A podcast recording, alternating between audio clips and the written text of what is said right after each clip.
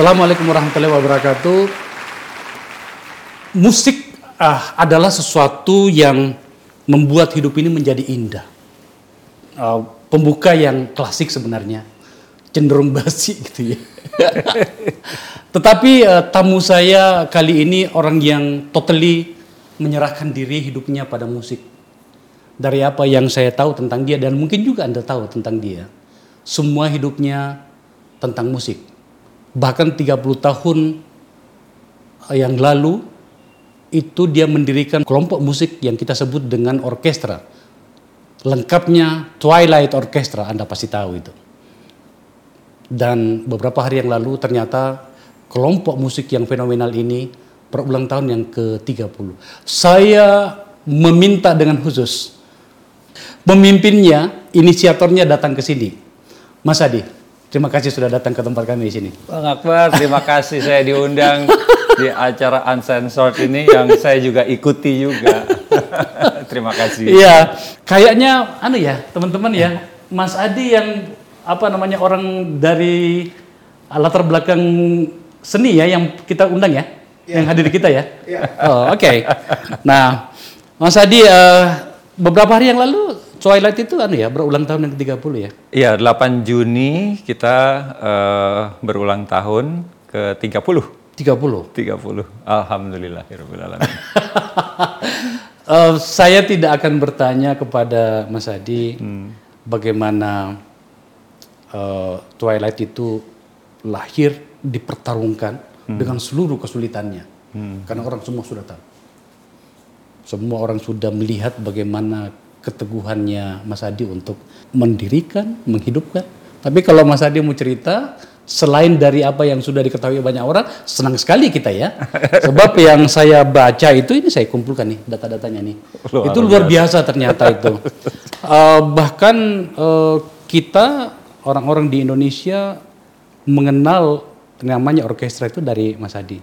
Hmm. Mas cerita deh uh, suka dukanya, tantangannya mendirikan dan menghidupkan dan menjaga Twilight itu dan tentu saja dunia dunia musik konsep orkestra itu seperti apa mas? Ya, orkes simfoni itu sebenarnya di Indonesia seperti barang mewah yang ya. kadang-kadang dianggap barang luar negeri. Ini barat, kita nggak pantas gitu ya. Ya itu kendala yang saya temui di sepanjang Twilight Orkestra berdiri bahkan sebelumnya. Sebelumnya itu saya terus terang di awal karir itu juga tidak tertarik orkes. Saya cuma senang uh, kalau klasik tuh piano solo gitu. Tapi ada sesuatu yang makin menarik hati buat saya yaitu uh, gabungan berbagai bunyi dari berbagai instrumen kok bisa jadi satu keindahan yang muncul. Ada sinergi yang bisa ditimbulkan dari perbedaan. Itu dari awal akhirnya saya berkembang gitu, ingin bikin orkes tetapi uh, awal karir saya kan di tahun 80 ya. Oke. Okay. 79 sebenarnya. Itu sangat mustahil karena saya uh, pertama kali menje uh, menjejakan dunia uh, apa uh, kaki di dunia musik gitu ya. Di mana waktu itu uh, dianggap tidak mungkin lah gitu, itu nggak mungkin bisa hidup. Nah ternyata memang sulit, apalagi untuk mewujudkan mempunyai orkestra yang dianggap barang asing. Yeah nyari penonton susah, nyari sponsor susah, ya uh, nggak mungkin. Akhirnya awalnya saya benar-benar fokus mencari uang, uh, membangun karir lah dengan musik pop, bikin Vina Panduwinata, bikin Krisya okay. waktu okay. itu. Terus lama-lama uh, di saat di titik di mana ini memungkinkan, tahun 91 bertemu dengan Indra Bakri, dengan Odi Agam, yeah, yeah. Nah, bertiga ini akhirnya sepakat untuk, ayo kita bikin orkes Uh, pertama saya nggak percaya, waduh nggak mungkin nih. Uh, terus uh, begitu akhirnya jadi tahun 91 saya tinggalkan musik yang mengandung uang boleh dibilang. Okay. Itu kan musik pop, musik yeah. jingle, saya bikin iklan kan itu kan secara finansial lebih memudahkan lah gitu yeah. ya. Ini masuk hutan belantara, kita babat hutan gitu tahun itu, tahun 91 itu. Okay. Tapi Indra Bakri teman saya yang meyakinkan untuk udahlah kalau mau sekalian fokus. Oh, udah saya tinggalkan, saya tinggalkan itu keadaan ekonomi di rumah tangga saya ya drop banget gitu ya, meskipun dibantu gitu ya oleh uh, Indra Bakri itu. Um, tetapi uh, sedikit demi sedikit uh, akhirnya saya uh, bisa meyakinkan istri saya misalnya dia yang uh, geleng-geleng kepala dia bilang Adi kita punya anak Kevin ini baru satu tahun nanti oh Kevin masih kecil? Oh, masih satu tahun usianya. Kalau dia nggak bisa di sekolahin kehabisan duit gimana iya, gitu? wah itu. Itu uh, apa konflik batin gitu ya. Nah terus tapi sedikit demi sedikit kita berjuang berjuang berjuang gitu ya. Nah, akhirnya bisa mulai kelihatan apa namanya polanya gitu ya. Ya perjalanan panjang itu kalau diceritain di satu buku panjang. Tapi ya saya bahagia. Artinya uh, di Twelve Orchestra ini dan di musik secara umum saya merasakan uh, saya bisa memanfaatkan anugerah yang Allah berikan kepada saya bakat yang diberikan kepada saya saya nggak sia-siakan dan bisa memberikan manfaat bagi orang lain. Itu aja buat saya membahagiakan. Saya itu merasa bersalah loh pada anda loh mas. Jadi saya undang anda ke sini tuh untuk menghilangkan rasa bersalah saya. Kenapa? Uh, beberapa kali kunjungan saya ke luar negeri, uh -uh. salah satu yang uh, saya sesuaikan jadwal saya itu adalah ada uh, pementasan atau lagi ada konser, uh -uh. Uh, apa namanya itu orkestra okay. yang main. Kenapa sampai saya suka ke uh, ke Austria itu? Yeah, yeah. Karena di di istana Sornburn itu hmm. itu ada apa itu uh, meskipun kecil-kecilan. Kecil-kecilan. Ya, ya, itu saya dan itu selalu ada kan gitu ya. ya. ya. Aku bisa masuk ke situ, ya. mendengarkan musik-musik hebat dari para apa namanya itu komposer hebat ya. dengan biaya yang murah gitu ya. ya. Jadi saya berlibur sekaligus uh, bisa nonton gitu. Ya. Kayaknya saya bilang kok saya bisa nonton di luar negeri sebuah orkestra, kok Mas Adi aku belum pernah nonton di Indonesia gitu. saya merasa bersalah Mas. Dan sekaligus uh, apa ya? Uh, kekaguman saya itu karena tidak mudah kan. Iya, iya. Tadi Mas Adi sudah cerita tentang efek efek-efek atau dampak dari situ. Mm -hmm. Tetapi um, Mas Adi pasti merasakan ya bahwa kekaguman kami kepada Anda itu luar biasa. Tidak mudah loh Mas ya. Mm. Untuk membiasakan me mengajak orang untuk mendengarkan musik sesuatu yang tidak terlalu sering dia dengarkan. Yeah. Padahal sebenarnya dalam sejarahnya musik klasik itu di Jaka di Indonesia itu tidak baru-baru amat sebenarnya. Yeah. Dari dari catatan yang saya miliki, terutama di uh, Yogyakarta yeah. pada masa Hamengkubuwono ke-8 itu, hmm. bahkan sampai membayar seorang Belanda bernama Walter Spies hmm. digaji 100 pound untuk memimpin dan melatih orang-orang bermain musik. Hmm. Salah satunya itu adalah orkestra. Hmm. So kalau begitu keadaannya kan Mas Adi sebenarnya ini adalah orang yang menghidupkan dan menjaga sebuah kualitas musik yang seharusnya juga kita terima apa adanya. Tapi ternyata tidak. Pertanyaan saya begini Mas Adi. Apa sih kendalanya sampai musik klasik terutama yang diramu dalam sebuah konsep hmm. uh, orkestra hmm. seperti uh, yang anda lakukan itu itu tidak cukup diterima oleh pasar atau sulit orang untuk menikmatinya apa masalahnya? Uh, sekarang mungkin tantangannya lebih besar tapi dulu aja udah uh, tinggi tantangannya untuk musik klasik bisa uh, masyarakat di Indonesia okay. gitu ya. Satu karena memang ini bukan uh, budaya kita lah gitu ya, okay. bukan seni asli Indonesia gitu ya.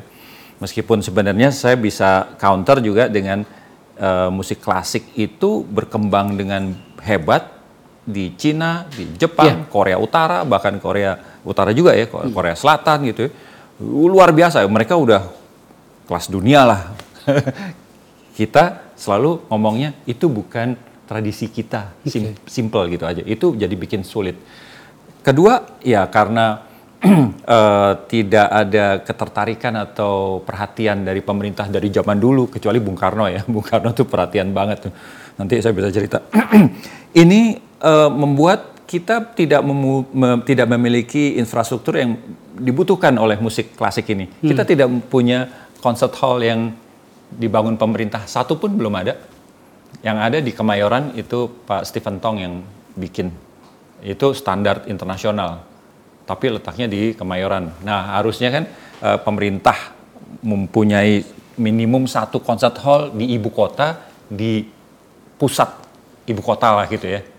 paling tidak sebagai lambang apa ikon budaya Iya, gitu iya, ya. iya, iya. Ini tidak ada satupun waktu zaman Bung Karno pernah ada rencana tapi keburu nggak ada gitu ya. Nah, jadi infrastruktur tidak ada, eh, eh, anggapan orang eh, ini asing, bukan kita, ngapain kita perjuangkan gitu ya. Kemudian pendanaan juga ya, kalau di luar itu karena orkes simfoni itu kegiatannya pasti high cost, di mana-mana di muka bumi itu pasti biaya tinggi ya. Pemainnya banyak, eh, ada standar standarisasi honor yang nggak mungkin sembarangan oh gampang lah gampang nggak bisa gitu Berapa gitu. sih mas? Kalau misalnya sekali konser itu atau sekali acara besar, agenda besar untuk simfoni itu berapa kira-kira yang dibutuhkan? Eh, be- bergantung. Eh, ini banyak variabelnya em, bisa sampai 500 juta, bisa 100 juta, bisa ya sekitar itu ya tergantung kebutuhan size dari orkestra dan repertoarnya. Oke. Kadang-kadang kalau ini simply memainkan lagu yang udah ada, klasik gitu ya, itu pasti cost-nya lebih kecil karena materinya udah ada, partiturnya sudah ada, tinggal sewa dari luar. Gitu. Nah, tapi kalau kita bikin eh, yang original semuanya, kita bikin komposisinya, aransemennya khusus untuk sebuah konser, oh pasti tinggi karena harus dibuat satu persatu gitu. Gitu. Nah, eh, kembali pada yang tadi itu, kenapa pemerintah tidak eh, memikirkan atau barangkali menyediakan Hmm. atau menginisiasi lah Ya. sebuah apa namanya itu tempat yang layak untuk itu. Apa kendalanya mas? Eh, zaman Pak Harto di di penghujung zaman Pak Harto ya itu mulai tahun 96-an gitu ya saya rajin datang ke eh, Menteri Pariwisata saat itu kan Pak Yop Ave sampai dua kali saya tatap muka ketok pintu gitu ya Menteri Kebudayaan Pendidikan Kebudayaan Pak Wardiman Pak Pak Wardiman, Um, kemudian saya ke gubernur saat itu Pak Suryadi Sudirja gitu ya. Saya eh, nggak bisa diem gitu. Ini saya lihat ada sesuatu yang sebenarnya aib bangsa Indonesia ini kita punya bakat yang luar biasa. Indonesia dikenal bangsa yang musikal gitu, Oh ya? kan? Eh, oleh orang-orang luar gitu ya. Tapi kita tidak mengembangkan eh, seni musik secara serius gitu ya. Itu eh, ya itu infrastrukturnya tidak punya apa segala macam ya. Nah maka saya datangi, saya himbau, Pak tolong bangun satu aja concert hall 200 waktu itu masih 250-an juta kan mungkin kurang ya waktu itu ya tahun 96-an masa satu pun nggak ada? Singapura udah punya pak. Ini apa yang kecil-kecil tetangga kita semua punya beberapa. Satu pun Indonesia segede gini nggak punya. Ayo pak bikin. Terus bangun orkestranya. Jangan saya. Audisi musisi dari luar konduktor yang terbaik yang bisa kita dapatkan bayar. Kemudian kita punya orkes internasional ya sebagai lambang budaya gitu kita ya. Nanti saya akan belajar. Saya ingin meningkatkan diri dengan daripada saya keluar terus saya, saya waktu itu tuh pernah ada satu kurun waktu tahun 80-an tuh rajin keluar gitu uang dapat habis saya nonton konser puas-puasin dapetin ini insight gitu terus beli buku ke sini lagi bangkrut lagi maksudnya nggak duit habis Iya, lah iya, iya. nggak ada tabungan Luar biasa. beli buku, nonton konser, pulang, berkembang lagi, berkembang lagi gitu ya. Nah, ayo pemerintah bikin itu supaya saya bisa belajar di Indonesia gitu dengan orang-orang yang hebat gitu.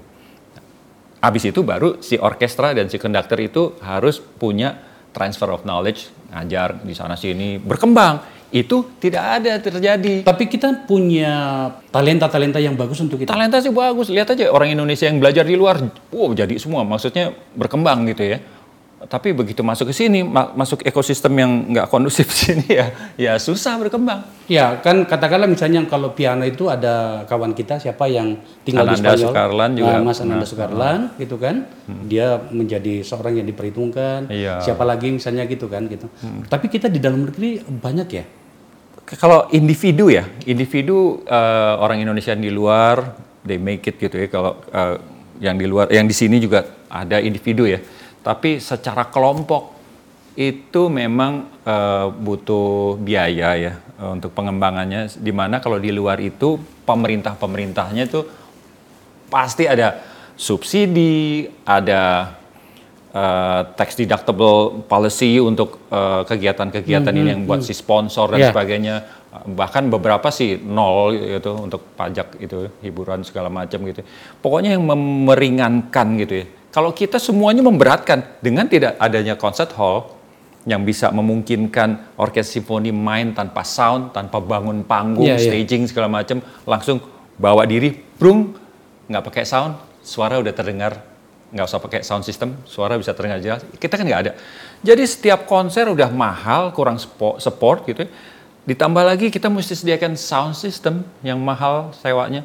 Mesti bangun panggungnya kadang-kadang mau nggak mau lighting atau hiasan gimmick-gimmick lainnya yang nggak perlu sebenarnya jadi lebih high cost gitu gimana kita bisa berkembang setara atau mendekati bahkan tetangga kita susah Ya, saya eh, dari kemarin ya, setelah saya memutuskan mengundang Mas Adi itu sampai harus mendengarkan banyak karya Anda. Tolong ditampilin karya-karyanya Mas Adi. gitu ya, ini banyak sekali ya. Tetapi yang saya mau katakan begini ya Mas Adi. Eh, mungkin orang mengatakan begini, ah Mozart, Bach, itu segala macam itu eh, bukan untuk kita. Ya. Kira-kira seperti itulah. Tapi kan yang Mas Adi lakukan sebenarnya sudah lebih jauh dari situ. Anda menciptakan banyak repertoar kan, dengan latar atau berasal dari lagu-lagu daerah gitu. ya Nah itu tidak kalah tidak kalah indahnya kita dengarkan gitu ya. ya, ya. Dalam kacamata publik atau kalau mau dibawa menjadi sebuah komoditi, ini kan bisa dijual sebenarnya kan. ya Kita perkenalkan ke dunia, ya dapat kebanggaannya, dapat hegemoninya dan segala macam. Tapi kayaknya tidak banyak yang berpikir seperti ini ya Mas ya. Alhamdulillah eh, orkestrasi musik daerah yang saya bikin untuk Garuda tempo hari cukup eh, masyarakat gitu alhamdulillah itu pun melalui ker- apa kerja keras untuk meyakinkan eh, Garuda gitu. Alhamdulillah waktu itu Pak Emir Satar yang eh, memfasilitasi gitu. Eh, kadang-kadang saya suka terharu ke acara kawinan dulu eh, rekamannya dari mana. Kalau sekarang orkestra misalnya Gending Sriwijaya Iya, iya. mengiringi uh, prosesi orkes yang saya buat itu ada satu keharuan ada manfaat itu. Tapi sebenarnya di balik itu saya sedihnya balik lagi ke itu tadi anggapan bahwa itu barat. Kita punya musik adiluhung kita sendiri. Iya. padahal yang saya bicarakan dari awal it's not about barat timur. Saya ke sekolah di sekolah Jepang di Bintaro ya. S- eh, SD Ya, ya. SMA segala macamnya. Saya pengen tahu seperti apa sih kelas musiknya gitu. Kan bangsa Jepang yang apa terhadap tradisinya tuh pelestariannya luar luar biasa ya. Mereka di masuk ke ruang kelas dengarkan musik Tchaikovsky, Swan Lake gitu, terus diceritakan ini begitu, udah nggak ngapa-ngapain suruh mendengarkan gitu ya, em, merangsang imajinasi mereka ini itu ini itu gitu ya. Saya bilang "Eh, kenapa ini musik klasik barat seperti pertanyaan yang sering saya ditanyakan gitu ya. Jawabannya itu kita memang punya musik yang kita lestarikan, kita eh, pelihara gitu ya dengan baik. Tapi untuk kepentingan pendidik, pendidikan, untuk kepentingan pendidikan musik klasik barat itu tidak tergantikan. Maka di negara-negara Jepang kayak gitu ya, ya itu tadi musik klasik barat itu populer dan memasyarakat, bukan asing gitu. Eh, ini yang saya ingin gitu ya. Karena apa? Fungsi pendidikan, em, jadi melihat musik bukan sebagai alat hiburan belaka, tetapi musik sebagai alat pendidikan. Ini selalu saya tekankan karena di negara-negara mana pun yang maju gitu ya, itu mereka mempelajari ini karena konteks itu eh, sebagai alat pendidikan. Nah, si anak dirangsang minatnya terhadap eh, musik klasik barat itu, kemudian akhirnya dia belajar notasinya. Pada saat dia belajar notasi, not balok orang kita bilang, itu kan ada presisi musik eh, klasik itu notasinya matematis sekali gitu. Eh, satu dicabut, satu titik dicabut itu udah rusak gitu ya, udah nggak bisa dimainkan misalnya gitu. ya. Jadi harus dimainkan dengan presisi. Otak kiri menggarap presisi, otak kanan menggarap imajinasi. Pada saat dia memainkan harus dengan interpretasi. Dia imajinasi, eh, membayangkan ini itu gitu. Ada rasa kepakaan estetika yang dia dibangun gitu. Nah, begitu dia mainkan dua-dua kiri dan kanan tuh mesti bekerja simultan. terbiasa menggunakan disiplin, ketepatan, presisi pada saat yang bersamaan dengan imajinasi, kreativitas, ya kan, estetika, itu membuat orang-orang itu produktif dan kreatif, inovatif. Jadi 10 tahun pertama anak-anak di Jepang kita tahu kan mereka Ya, ya. nggak ada matematika yang kayak gimana ulangan. Betul. Nah, lebih ke pembentukan karakter. Salah satunya melalui musik.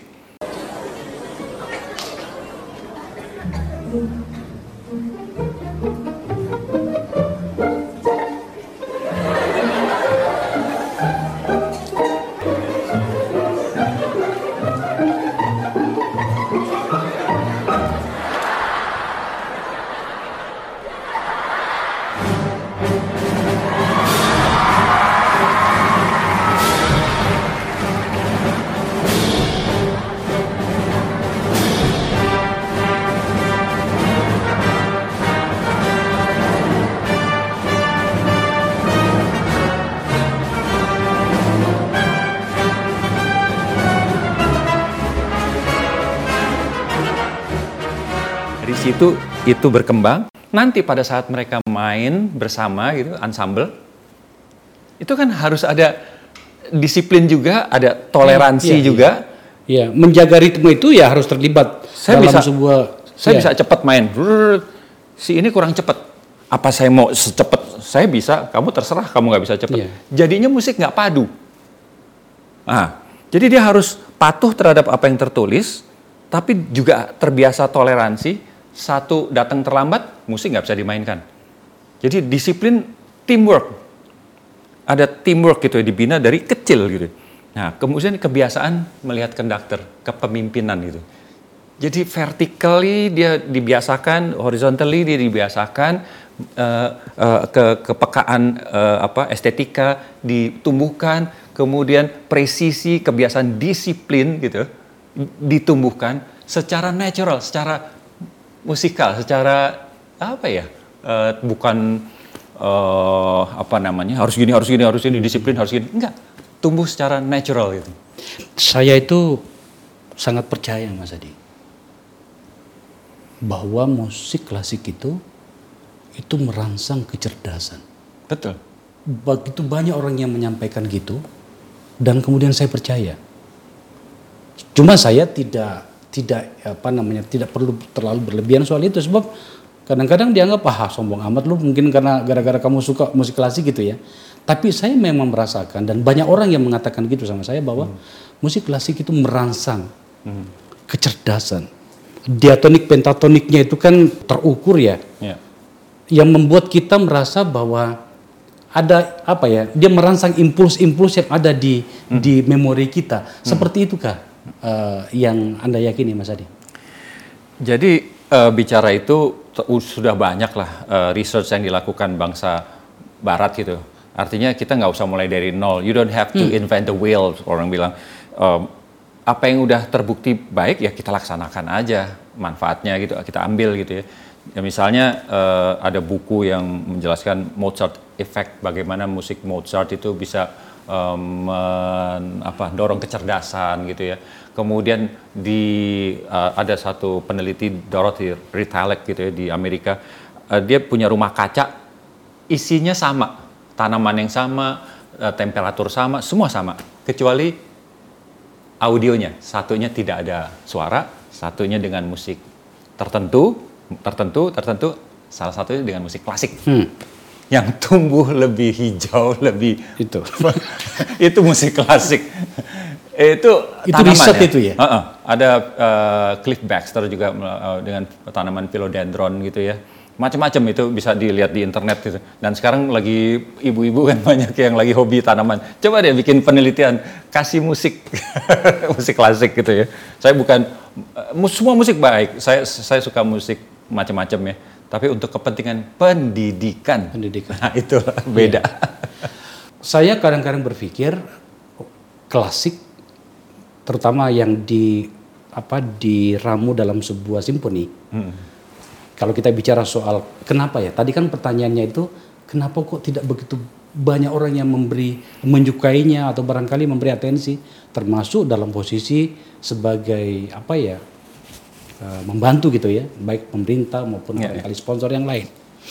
Apakah anda setuju kalau bisa dikatakan bahwa klasik dan simfoninya Hmm. itu kalah bersaing dengan kelompok apa jenis musik yang lain?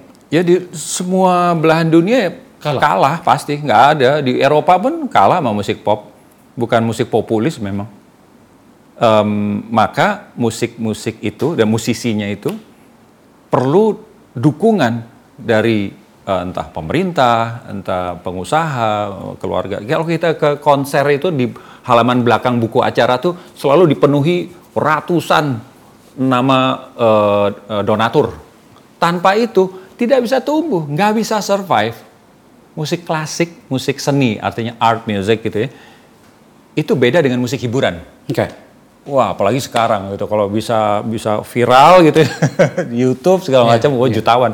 Musik klasik eh, sulit dari zaman dulu ya begitu. Tidak bisa meng- mendapatkan keuntungan dari tiket. Saya kalau bikin konser, alhamdulillah hampir selalu penuh sih. Iya, iya. Apakah bisa dapat balik modal aja dari Itu tiket sudah bagus penuh? itu balik modal. Nggak pernah, nggak bisa. Orkes konser orkestra gitu ya, Iya. full. Oh, sering kali oh, udah sold out berapa hari sebelumnya gitu. Orang kira kita untung, nggak mungkin. Coba aja hitung honor, eh, sewa tempat latihan dan seterusnya seterusnya. Artinya tetap dibutuhkan sponsor kalau di luar plus eh, subsidi. Gitu. Oh, ini saya lupakan subsidi lah gitu. Dari dulu paling males ngerengek pemerin- pemerintah dari zaman dulu sampai sekarang. Pokoknya teman-teman pengusaha banyak bantu, alhamdulillah gitu. Baru bisa hidup. Nature-nya memang musik yang high cost. Tapi kenapa Anda bisa bertahan sampai puluhan tahun di situ, Mas? Nah, itu kemurahan yang maha kuasa aja. Saya sendiri waktu berdiri pertama Bang Akbar, baru eh, berdiri itu saya diledekin teman-teman kok. Tanya aja Tante Yahya tuh dia tahu tuh. Ada bos-bos yang alah paling si Adi dua bulan lah tahan. Habis itu dia main pop lagi gitu. Saya kalau ketemu itu yang ngomong dua bulan tuh, saya selalu saya balikin. Eh, sekarang nih belum ketemu nih 30 tahun. itu luar biasa, Mas. Dalam eh, fase berbeda, dalam situasi yang berbeda, apakah memang ada hubungannya ya antara sebuah kota yang berbudaya dengan cita rasa musik warganya ya? Saya beri contoh begini. Pada beberapa kali ya, termasuk dengan katakanlah dengan Rocky ya. Saya bilang kepada teman-teman itu, kenapa ya kita dalam berbudaya terutama di masyarakat perkotaan itu kok bahkan berdisiplin saja kita susah. Ya, Ya. Tapi coba kita di kota-kota yang lain, Mas. ya. Di Eropa lah katakan. Iya. Ya memang kebudayaannya sudah tinggi ya. Kalau kita mau bicara soal itu. Itu kota yang dibangun 300 tahun yang lalu, 400 tahun yang lalu itu hari ini masih mampu mengikuti teknologi dan perkembangan zaman di kota itu. Ya. Mereka dan mereka hidup berdampingan antara kota itu dengan situasinya, dengan Ya. masyarakatnya. Ya.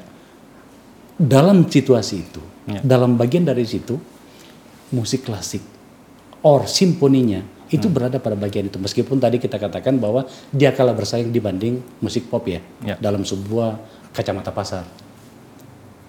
Oh, apakah kita perlu bermusik ria dalam hal ini bersimfoni ria, berklasik ria, agar kemudian budaya saya tidak ingin menggunakan bahasa barbarian ya, terlalu ekstrim. Tapi kita lihatlah di sekitar kita ya, Iya, iya. iya. di mana-mana juga terjadi perampokan segala macam, tapi tidak seperti kita, di mana kemarahan gitu. Saya ingin melihat dari sisi sosiologisnya, Mas. Iya, iya. Apa yang Anda pikirkan menyangkut itu? Ya, artinya bagaimana kita bisa memanfaatkan musik eh, klasik itu eh, untuk kepentingan pembinaan karakter, pembentukan karakter. Itu kan sebenarnya kan. Ya. Itu disadari dan dilakukan oleh Singapura. Tahun 79 dia bentuk Singapore Symphony Orchestra. Oke. Itu deputy prime minister mereka, Goh Keng Swee gitu. Itu tiba-tiba sadar bahwa Singapura saat itu ya, saya bangga kemajuan ekonominya, physically maju lah gitu ya. Tapi kita masih jadi bangsa yang kasar. Saya ingat pada tahun-tahun itu tuh kalau ke Singapura ya, itu keluar dari airport naik taksi tuh, ah mau ke mana? Ah iya iya, eh, eh, yang keras ngomong, Ya, kayak gitu Iya, ngomong. Iya, iya, iya. terus ngeludah sembarangan. Oke. Karakternya itu ya barbarian itu. Hari ini enggak tuh, sudah lebih baik mereka. Tahun itu 79 dia bentuk orkes simfoni kemudian dia bikin uh, concert hall macam-macam ada esplanade ada apa segala macam terus di sekolah uh, paduan suara diwajibkan Uh, artinya uh, ada alat mengasah atau membentuk kepekaan uh, karakter mereka gitu ya melalui musik. Sekarang kita lihat lihat Singapura yang sekarang. Oke. Kalau buat orang-orang yang seperti kita yang pernah saya, saya masih ingat karakter Singapura dulu tuh beda banget. Iya. Beda banget. Dan misalnya ya Eh, ini kan diperkenalkan dari uh, pendidikan dasar SD gitu ya di negara-negara maju ya. Setelah tadi kita cerita bagaimana si musik itu um, bisa menggarap otak kiri kanan mereka anak-anak itu gitu ya sehingga nantinya bisa membentuk karakter mereka ya kemudian uh, kecerdasan mereka nantinya ya. Nah pada saat mereka berlatih itu juga ada pendidikan kedisiplinan, teamwork dan sebagainya. Pada saat mereka tampil konser, meskipun konser anak-anak lah, orkes anak-anak ensemble gitu. Penonton itu sudah dibudayakan untuk diam. Oke. Okay. Tidak membuat suara, misalnya buku acara aja, kalau di, di kita ya bisa ngomong, bisa teriak, bisa uh, pertak, gubrak gitu ya. Di sana ya, yeah. lagi berlangsung nih musiknya, mau ngambil buku acara aja kalau bunyi srek pasti se sebelah udah udah melototin gitu. Terganggu. Yeah. Dibiasakan untuk fokus menghormati, mengapresiasikan, mengapresiasi siapa yang sedang berperan. Yeah. Nah, kalau di situ berperan, kita hormati. Mereka butuh waktu yang, yang lama untuk menyiapkan itu di panggung.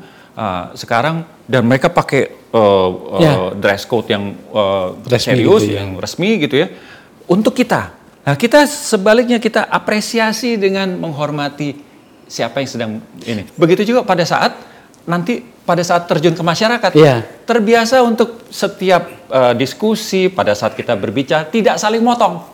Ini saya dari tadi uh, Mas Adi bicara gini saya senyum-senyum karena tadi tadi malam dan tadi tadi pagi aku nonton salah satu konsernya Mas Adi. Hmm. Saya perhatikan penonton. Kan Uh, seperti yang saya jelaskan tadi beberapa kali saya nonton di luar itu betul-betul itu diam silent nggak ada suara apalagi suara HP misalnya kan oh, iya. nggak ada gitu kan itu saya nonton tadi di salah satu konsernya Mas Adi itu ada hmm. yang motret ada yang bawa makanan kalau di Indonesia kita mau sekaku itu, uh, saya rasa bisa kontraproduktif ya. Iya. Yeah. Orang jadi intimidated gitu. Ya. Oh, Oke. Okay. Besok-besok dia kapok. Ah, rese nih nonton orkestra, uh, mendingan nonton apa yang lain lah gitu ya. Uh, saya pernah nonton satu or, uh, konser di sini dari uh, Jepang waktu itu, main di satu hotel gitu ya. Sedang serius, tiba-tiba ada yang batuk-batuk di penonton si konduktornya nengok gitu dengan muka merah yeah. marah gitu ya. terus wow jadinya penonton tuh uh, ada yang kesel dengan yang batuk okay. tapi sebagian ya merasa intimidated okay. gitu ya hmm. oh gitu ada yang ngerasa oh sombong gitu gitu nah jadi pada akhirnya anda harus saya harus kompromistis karena uh, selalu saya uh, dulu pernah sih cita-cita pengen jadi konduktor kelas dunia sekarang lupakan itu tidak akan terjadi saya yakin saya dan manusia lain diciptakan, dilahirkan di satu tempat untuk manfaat yang berbeda dengan saya di mana-mana. Jadi saya harus temukan peran saya di mana. Oh ternyata peran saya di sini yaitu bagaimana ikut membina masyarakat untuk lebih apa ya katakanlah uh, tahu etika untuk yeah. ini gitu. Nggak usah ini gini terus ngecilin itu enggak. Kadang-kadang begitu saya mau main nih Seret tiba-tiba ada batuk, saya giniin dulu. Saya nggak bakal boleh, nggak nggak bakal gitu. Dengan saya gini, orang-orang penonton langsung, Oke. Okay. Begitu total silent gitu, baru saya mulai set and doing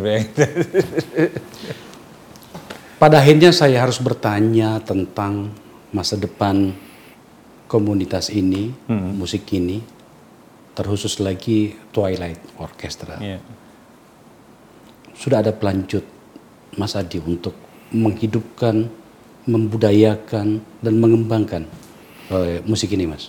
Uh, banyak. Uh, sekarang saya termasuk optimis lah gitu ya. Uh, karena zaman dulu kan sulit ya kalau saya mau nonton konser saya mesti ngumpulin duit ke luar negeri ya. Oke. Okay. Mau ikut master class mesti ke luar negeri, beli buku ke luar negeri lagi. Sekarang semua ada di sini. Internet ya. Di internet uh, mau lihat latihannya siapa sehingga tumbuhnya uh, talent-talent Indonesia ini lebih cepat dan banyak yang bagus. Saya nggak khawatir soal itu gitu. Jadi yang penting saya dulu pernah mengalami yang babat hutan susah payah. Jadi lihat sekarang saya nggak khawatir. Yakin akan ada penerus yakin, ADMS gitu. Yakin, apalagi kalau pemerintah mulai ya, mulai uh, lihat ini sebagai sesuatu yang serius. Loh, bangsa Cina, bangsa Korea, oh, Utara, Selatan, Jepang, tradisinya beda sekali, musiknya beda sekali. Ya, ya. Kenapa dia tekuni itu sampai bisa ya apa namanya level dunia gitu iya. ya.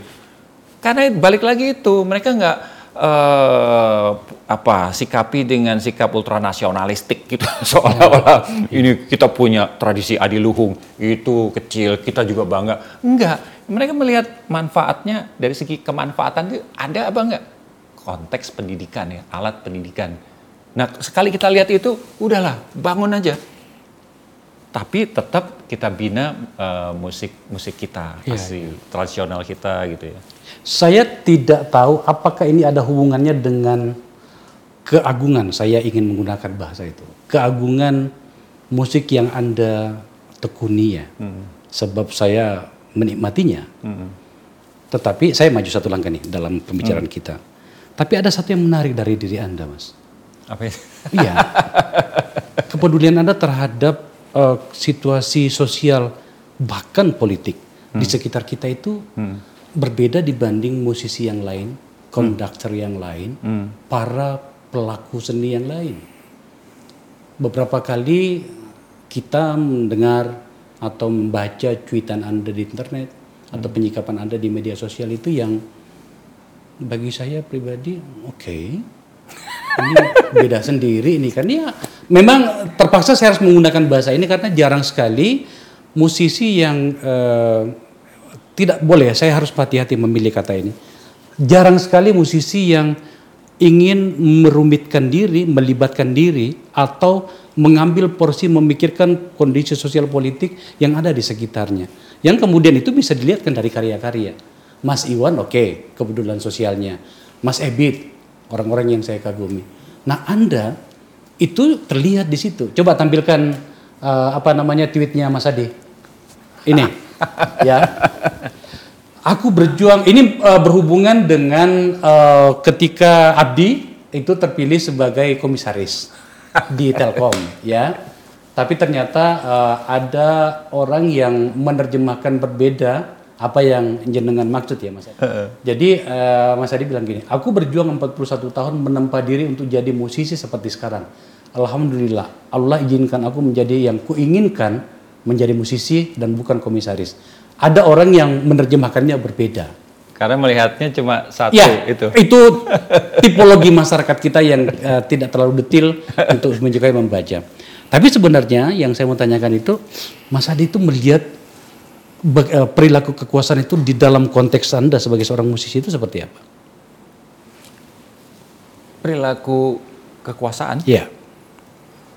Uh, ya sebenarnya uh, wajar ya manusia itu uh, ada keinginan untuk dihormati, untuk uh, punya kekuasaan supaya dia bisa um, apa sebebas mungkin okay. menuruti kehendaknya gitu ya. Hmm itu bukan di pemerintahan aja, di podium konduktor, di orkestra itu ada juga. Itu godaannya besar sekali. Oke. Okay. Karena di orkestra lebih lebih ekstrim daripada di pemerintahan yang sekarang nih. Ini kita demokratis kan, uh, keputusan di atas ngomong begini di bawah bisa wah wah wah.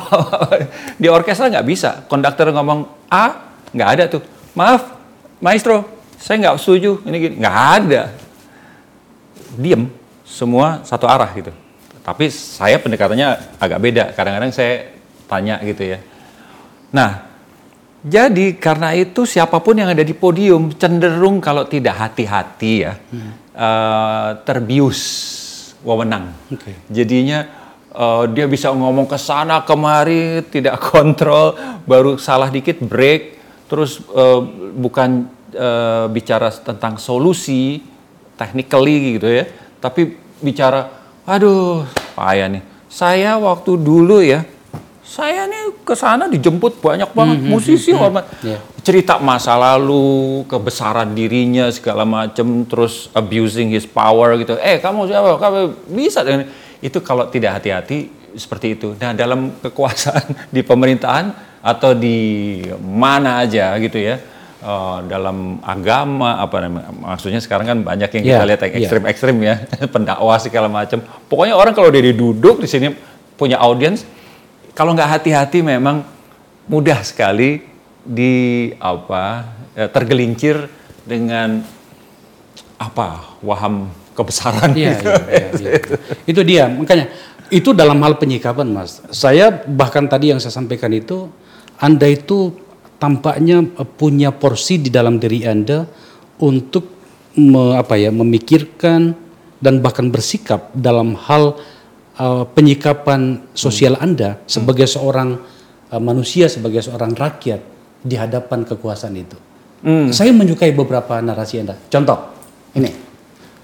Ada satu tweet Anda, ya kan banyak orang tahu ya, dan uh, bukan sesuatu yang salah. Pak Adi itu mendukung Pak Jokowi. Tapi aku suka narasi Anda.